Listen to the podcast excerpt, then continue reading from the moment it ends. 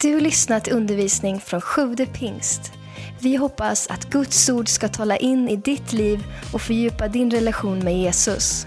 Besök gärna vår hemsida, www.sjuvdepingst.se. Tack Simon för en extra punkt där. Det var jättebra där i insamlingstalet. Eh, det är ett jättespännande ämne som jag känner att jag har fått här. Och när jag skulle, när jag sa ja till att predika över det så kände jag väl en liten eh, stress över att kanske här nu då, idag, så kommer det två grupper av människor. Det kommer sitta de här eh, Mandelmans, den här eh, vegan-vegetariangruppen som odlar hemma på sin balkong och som, som åker på semester med cykel i sin närområde och sådär. Och sen kommer den andra gruppen som, som eh, grillar kött varje dag och som eh, flyger så långt de kan hela tiden och som eh, har flera bensinslukande bilar. Och, och alla kommer titta på mig och bara stöd våran sak idag. Ehm, men så kände jag så här att ja, vi befinner oss nog alla på någon form av skala här.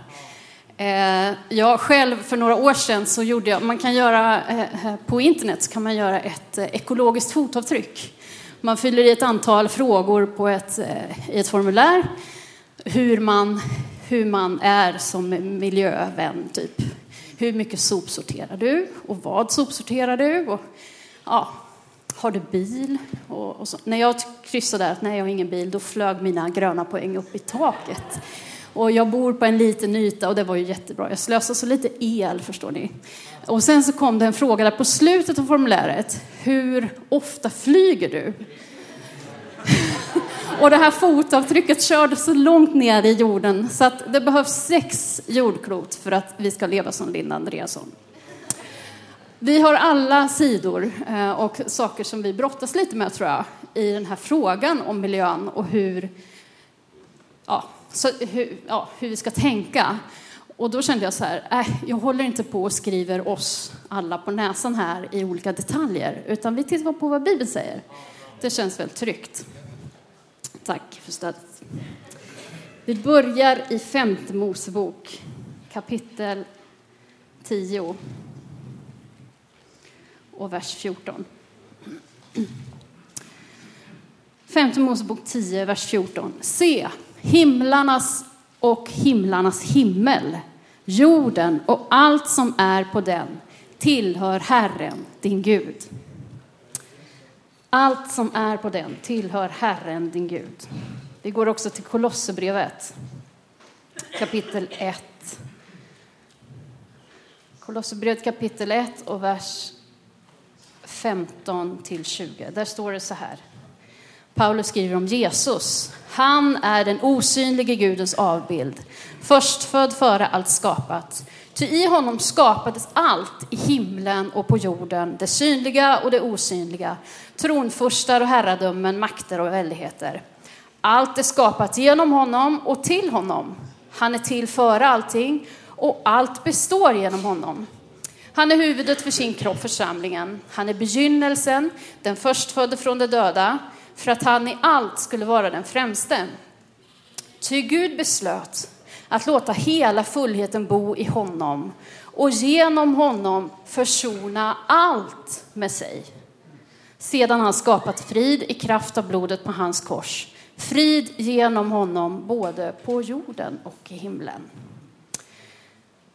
De här får ligga här lite som en grund nu för min predikan, de här bibelorden.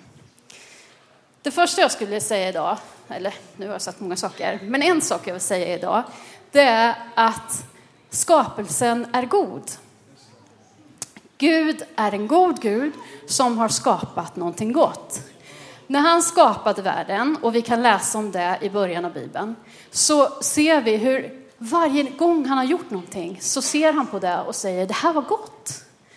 Han liksom lägger grunden och bygger upp liksom skapelsen. Och varje slutet på varje skapelsedel så säger Gud, det här var gott.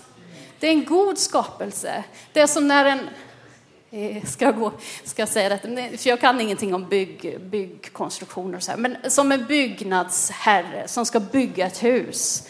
Då börjar personen med att lägga en grund och sen tittar han på grunden. Ja, men det här är bra. Och sen börjar han bygga liksom kanske väggar. Och sen när det är klart, ja men det här blir bra. Och så drar el och såna vattensystem och det här blir bra. Börjar eh, skapa. Och till slut är allting klart. Det här var mycket gott, här kan jag bo. Eller hyra ut till någon annan.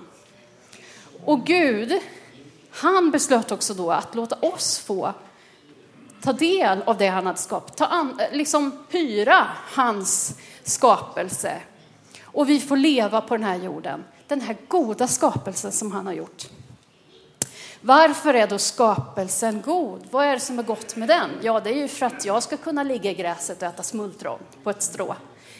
Det är för att vi ska njuta av det, men inte först det. För Bibeln är väldigt tydlig med att skapelsen är till för Gud. Skapelsen ärar Gud. Bibeln dräller av bibelord som talar om hur Gud upphöjs och äras genom skapelsen. När vi ser hur Gud skapar, då det är så härligt att läsa det, för det är som ett överflöd som flödar ifrån Herren. Han, det är liksom inte så ah, nu ska jag sätta en liten buske där och så ska det bli en liten fågel där, utan det liksom väller ut. Nu låt det bli ett myller av liv i havet. Låt det liksom Eh, låt trä, marken frambringa träd och buskar. Det, det bara myllrar ut. Det finns ingen brist hos Gud. Ett överflöd. Och han skapar så fantastiskt. Ibland har jag undrat varför. Varför skapar han så många sorters fåglar till exempel? Ja, helt ärligt skulle jag nog klara mig på en eller två sorter fåglar. Inte för att jag tycker, jag tycker det är jättehärligt. Men man klarar sig ju bara på några stycken sorter. Men Gud älskar. Gud är så kreativ. Han tycker det är vackert. Han älskar att skapa. Så han gillar att göra både svalor och kråkor och storkar. Härligt. Vi kan läsa i Saltaren 148. Psalm 148. Och jag läser faktiskt hela den salmen. Vi talar nämligen ofta i, i, i våra sammanhang om att vi som människor, vi är skapade för att ära Herren. Och det är ju sant, det är vårt första uppdrag. Och inte bara att sjunga till honom, utan ära honom genom hela våra liv. Genom våra beteenden och attityder, hur vi relaterar till andra människor, hur vi är, hur vi planerar vår tid och vad vi gör med våra liv. Det ska ära Herren. Och hej, där brister vi ju alla. Men tanken är att våra liv ska ära Herren och vara en lovsång. Och det är samma med naturen. Psalm 148. Halleluja. Prisa Herren från himlen. Prisa honom i höjden. Prisa honom alla hans änglar. Prisa honom hela hans här. Prisa honom sol och måne. Prisa honom alla lysande stjärnor.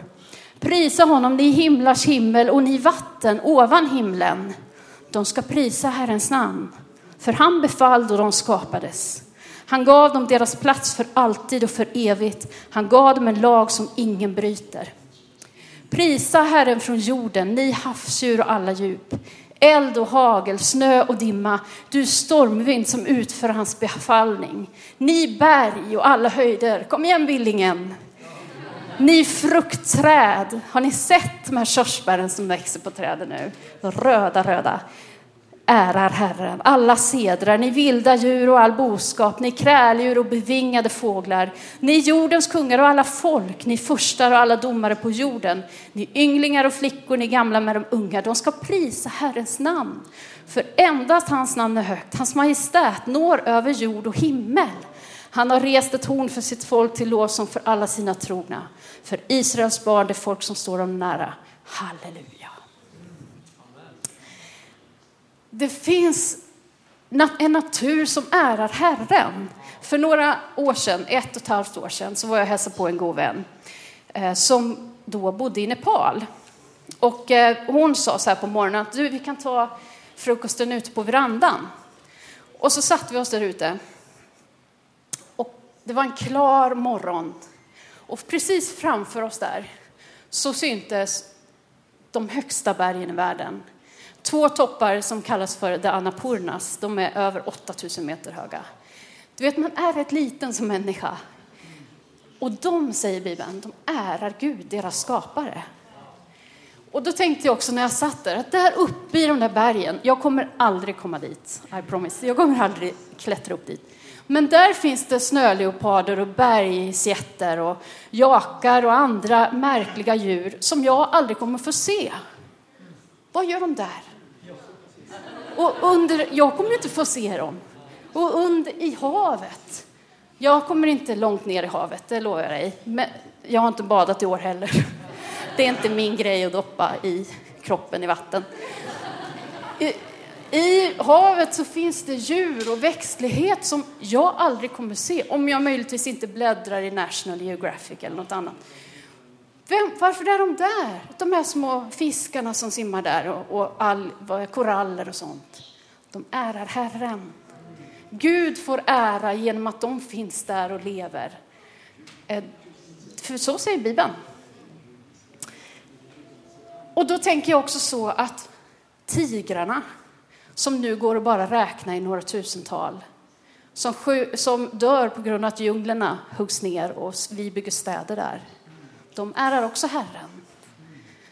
De här roliga noshörningarna som har en väldigt speciell, dyrbar nos, de skjuts på grund av den som Gud har skapat. De ärar också Herren. Regnskogen som huggs ner för att vi ska kunna bygga industrier och ha plats för boskap och odla och sådär. Må allt vad ande har, står i psalm 150. Och det är en tanke vi får ha med oss in i hur vi använder och brukar Guds natur. Naturen är till för Gud, för att ära Herren. Den är också till för sin egen skull. Jag ska inte gå in så mycket på det, men skulle vi läsa psalm 104 till exempel, så skulle vi se hur vattnet är till för djuren och hur träden finns för storkarnas skull och hur, hur eh, det finns liksom berg för bergsjätternas skull. Att, att de liksom, det är för naturen som naturen finns. Inte för vår skull, utan för sin egen skull. Och sen också, givetvis för vår skull, Gud satte människan i skapelsen för att vi skulle råda över den.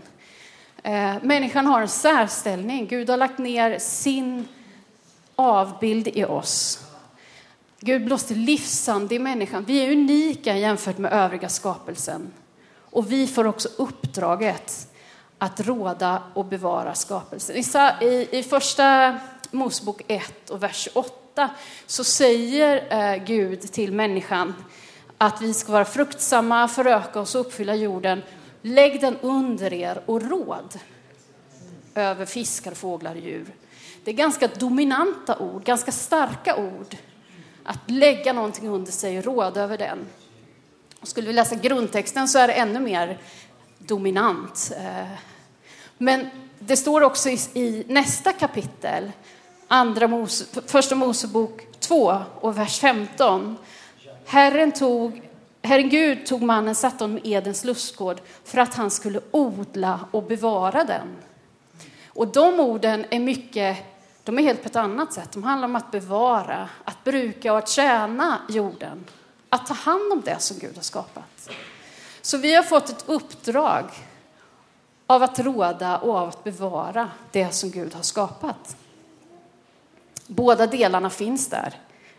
Och eftersom Gud också då har lagt ner sin avbild, vi är hans avbild, så litar han på att vi har den visheten att kunna särskilja på hur mycket kan vi dominera skapelsen och hur mycket kan vi låta den få växa Eh, och, och liksom, liksom hur, mycket, hur mycket vargar kan vi tillåta? Jag ska inte ta den frågan, det är en farlig fråga. Men hur mycket, hur mycket kan vi låta naturen få få växa och få plats och hur mycket har vi ansvar för att bruka den.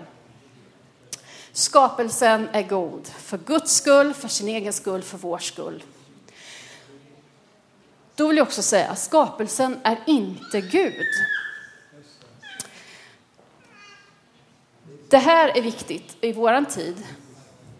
Ehm, skapelsen, det finns, jag sa att skapelsen är god. Det finns något otroligt gott i skapelsen, därför det är Gud som har gjort den och han har gett den till oss att bruka. Men den är inte Gud, den ska inte tillbes. När vi läser Bibeln så ser vi, när skapelsen omtalas så pekar den alltid på Gud. Den står inte för sig själv. Den har liksom ingen egen inneboende gudomlighet, utan den pekar på Gud och Guds kraft och nåd. Ordningen i skapelsen lyder Gud. Vi läste i psalm 148 att Gud satte himlar, han, han, himlar och stjärnor och allting i en ordning. De ska prisa honom. Han gav dem deras plats för alltid och de följer hans lag. Det finns någonting ledlagt i, i skapelsen som Gud har, Gud har lagt ner en ordning. Det finns en, eh, en sång som jag älskar som går så här. Who told the moon, no, who told the sun where to stand in the morning? And who told the ocean you can only come this far? And who taught the moon where to hide till evening? Hos oss så går det vidare. Vem var det som sa till solen, här får du stå på morgonen? Vem var det som sa till havet, hit men inte längre? Och vem sa till månen vart den skulle gömma sig fram till kvällen? Det här är ju poetiskt, men någonstans finns det något nedlagt i skapelsen som skapelsen följer. För Gud har lagt ner årstider, ebb och flod, en ordning för att skapelsen ska kunna fungera. Och sen genom tider och kanske mycket på grund av hur människor har hanterat skapelsen så har detta ruckats en del. Men det finns en ordning som skapelsen följer. Den underordnar sig Guds ord. Skapelsen uppenbarar vem Gud är. Det finns ett härligt bibelord i, i Romarbrevet. Romarbrevet kapitel eh, 1, vers 20. Ända från skap världens skapelse syns och uppfattas Guds osynliga egenskaper, hans eviga makt och gudomliga natur genom de verk han har skapat. Genom skapelsen så syns Gud, hans härlighet. Och det här, vi som tror på Gud, vi, vi kan ju se detta. Vi tycker att detta är rätt naturligt när vi är ute på Vänern till exempel, eller när vi vandrar i skogen, eller när vi håller en liten bebis och ser de här ny, eh, ögonfransarna på, eller en liten nagel på en lilltå. Alltså det är helt otroligt. Man blir så här, Gud vad du har skapat, fantastiskt. Och det drabbar även de som inte tror på Gud, att det finns något större. Och naturen, skapelsen, uppenbarar Guds härlighet. Den lever därför att Gud låter den leva. Det stod i, i Kolosserbrevet som vi läste i början att allt består genom Jesus Kristus. Skulle Jesus säga bara okej, äh, okay, vi struntar i den jorden, jag vänder mig bort. Då skulle allt upphöra. Vi lever, skapelsen lever där på Guds uppehållande kraft. Så skapelsen relaterar alltid till Gud. Den är inte Gud i sig själv. Och idag och i, på Bibelns tid så fanns det mycket naturreligion, mycket tillbedjan av det naturliga fenomen i naturen. Jag reser ju ofta och bor i Indien. Och till exempel, där finns det många eh, man tillber och, och ser många natursaker som Gud. Till exempel kon, det är ju känt, den heliga kossan i Indien. Jag har sett människor gå förbi fattiga, trasiga människor som sitter och tigger och liksom bara ignorerat dem för att sen böja sig framför en kossa. Eh, skulle du googla idag på nötkött, Indien och, och ja, kravaller så skulle du se att det är en stor politisk fråga idag, frågan om nötkött. Eh, människor har dödats de sista månaderna för att de har, eh, ryktet har gått att de har ätit nötkött. Eh, eller att man har dödat en ko i den byn så har det blivit upplopp. Så det är en stor fråga detta med om kon är helig eller inte. Andra, de frågar stjärnorna. Frågar stjärnorna om det. De kollar i. I Indien är det vanligt att gå till astrologen för att jag har en granne i Indien som har frågat astrologen, eller stjärnorna då, vilken färg man skulle ha måla huset i för att veta att man kan bo harmoniskt i det huset. Som har frågat stjärnorna vem man ska gifta sig med, vilken motorcykel man ska köpa, köpa för att klara sig i trafiken. Eller kanske bara en vanlig Svensson som kollar i horoskopet för vilken färg man ska ha på sig den här veckan för att må bra. Eller vilken är min lyckodag? Då ska jag köpa en trisslott och så vidare. Eh, man frågar stjärnorna. Och yoga, vi behöver inte prata så mycket om det, men det är tydligt att man tillber månen, man hälsar solen, man böjer sig för kobran eller för kossan eller för apan i olika positioner och genom olika uttalanden. Bibeln markerar väldigt tydligt skapelsen relaterat till skaparen. Det är Gud som är Gud, ingen skapelse. Och jag för min del, jag känner att jag vill ära Gud som har satt den här underbara solen på himlen. Och när jag grillar mitt kött eller äter min majskål som jag har grillat, då tackar jag Gud för maten. Och på natten, om jag nu skulle vakna och grubbla lite över livets frågor och sätta mig på min balkong, då är det inte stjärnorna jag frågar, utan jag får fråga honom som har skapat stjärnorna. För det känns tryggast på något vis. Han borde ju veta mer. Stjärnorna säger inte så mycket om mitt liv, men de prisar Herren. Skapelsen är god, skapelsen är inte Gud. Men jag tror att skapelsen också finns till för Guds frälsningsplan. Den finns i Guds frälsningsplan. Gud har en framtid för oss och också för sin skapelse. Psalm 139 är en vacker psalm som vi ofta tittar på och finner tröst i, som talar om att ingenstans, alla platser, Gud finns överallt. Vart kan jag fly för dig, Gud? Bor jag ute i havet så är du där, eller ner i dödsriket eller uppe i himlen så är du där. Gud finns överallt. Vi läste i, i femte Mosebok att himlarna och jorden är Herrens, allt som är på den. Jesus säger i Matteus 28, Matteus 28 och vers 18, så säger han till sina lärjungar, åt mig har getts all makt i himlen och på jorden. Gud har all makt. Jorden och skapelsen, allt är Herrens. Han har makten. Han är ägare och suverän härskare på jorden, över skapelsen. Så var vi än går, vart vi än tar vägen, så går vi på Guds ägor. Vi går där Gud, det som är Guds. Inte en centimeter på jorden i skapelsen tillhör någon annan än Jesus Kristus. All makt är given honom i himlen och på jorden. Vilken trygghet vart vi än tar vägen. Gud låter, har låtit oss få hyra in oss på jorden. Sen var det ju så att fallet skedde och människan gav på något sätt över makten på hyreskontraktet till, till eh, en annan, den onde, onda makter. Men det har inte ändrats vem som är ägare. Ägaren är densamme, Gud själv, och han kan gripa in på sin jord. Han är herre över himmel på jord. Och Gud lär oss att värdera skapelsen. Inte bara för att den är skapad av Gud, utan också för att det finns ett mål. En framtid för skapelsen. Fullständig upprättelse och förvandling. Och vi skulle kunna titta i Jeremia. Eller om jag menade Jesaja. Jesaja kapitel 65. Um, ehm, och vi kan läsa från vers... Ja, det är många bra verser här, men vi läser från vers 23.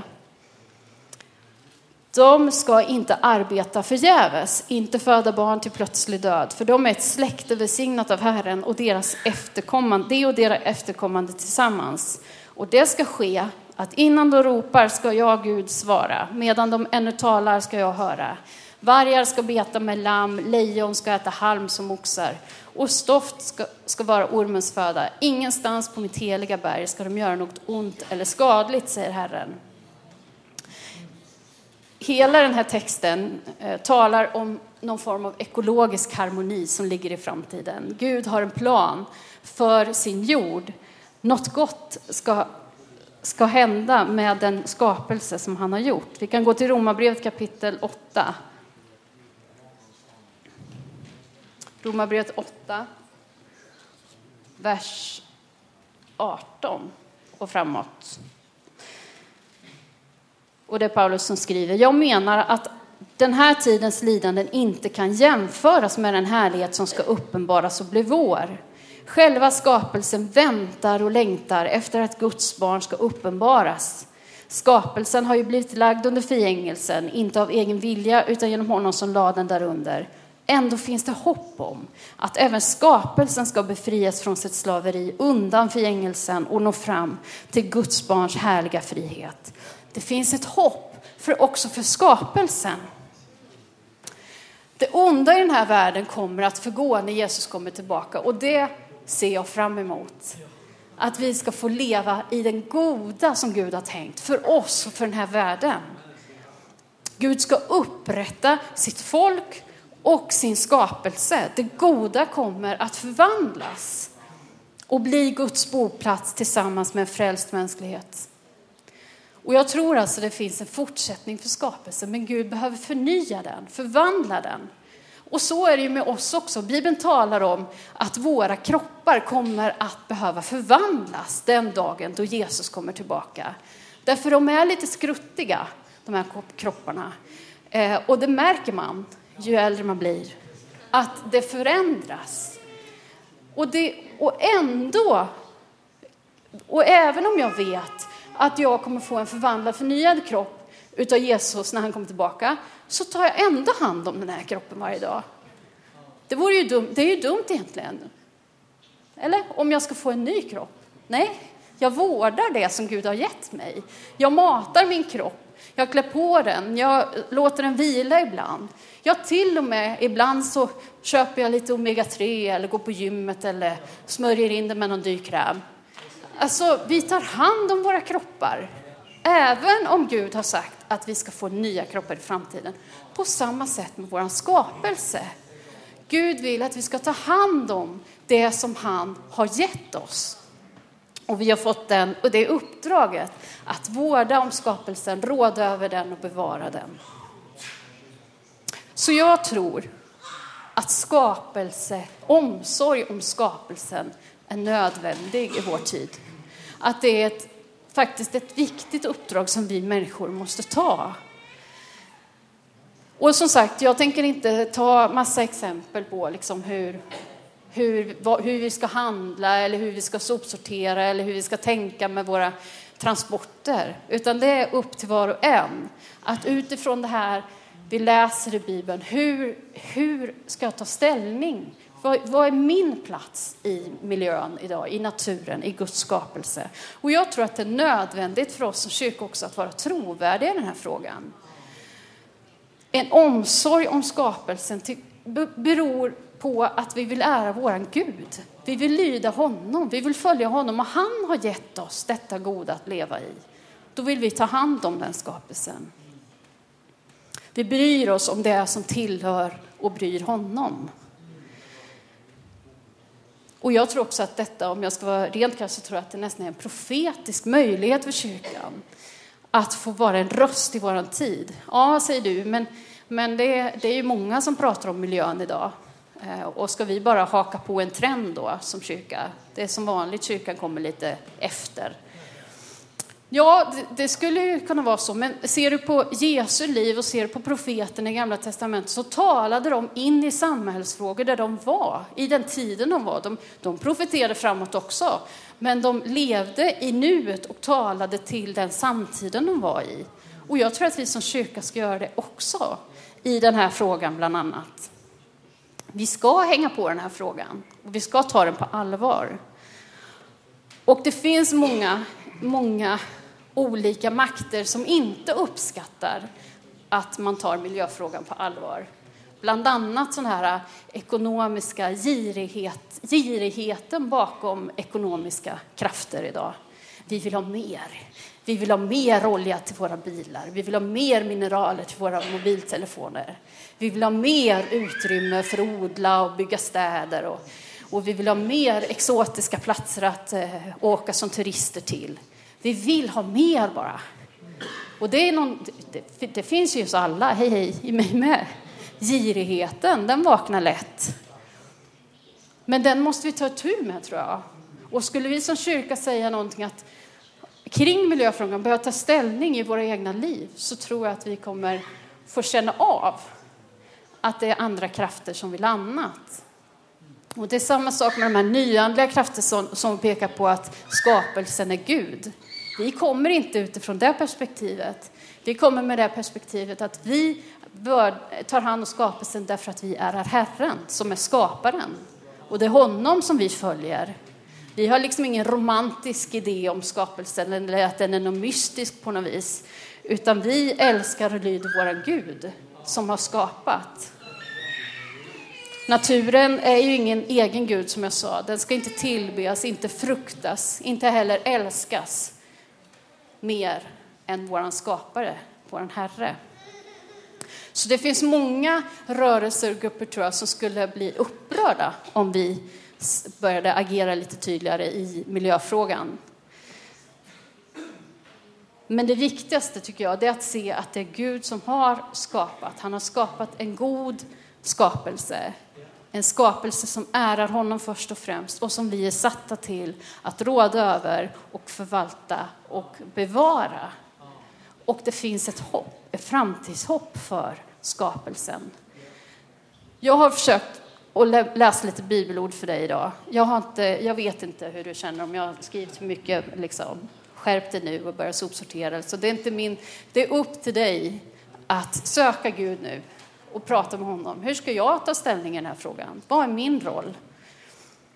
Eh, men det viktigaste är, vi har sjungit sånger om att ha blicken fäst på Jesus. Så jag tror att det är det viktigaste. Ha blicken på Gud. Det är han som är skaparen. Det är han som eh, liksom leder oss i alla frågor i våra liv, också i hur vi ska hantera skapelsen, i hur vi ska hantera den miljö som Gud har satt oss i. Vi ska ta en stund och be tillsammans. Och eh, jag vet inte vad den här predikan gör med dig.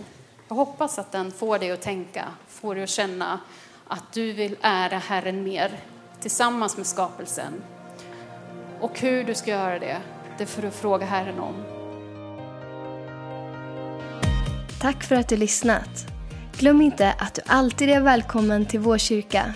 Du hittar mer info på www.sjuvdepingst.se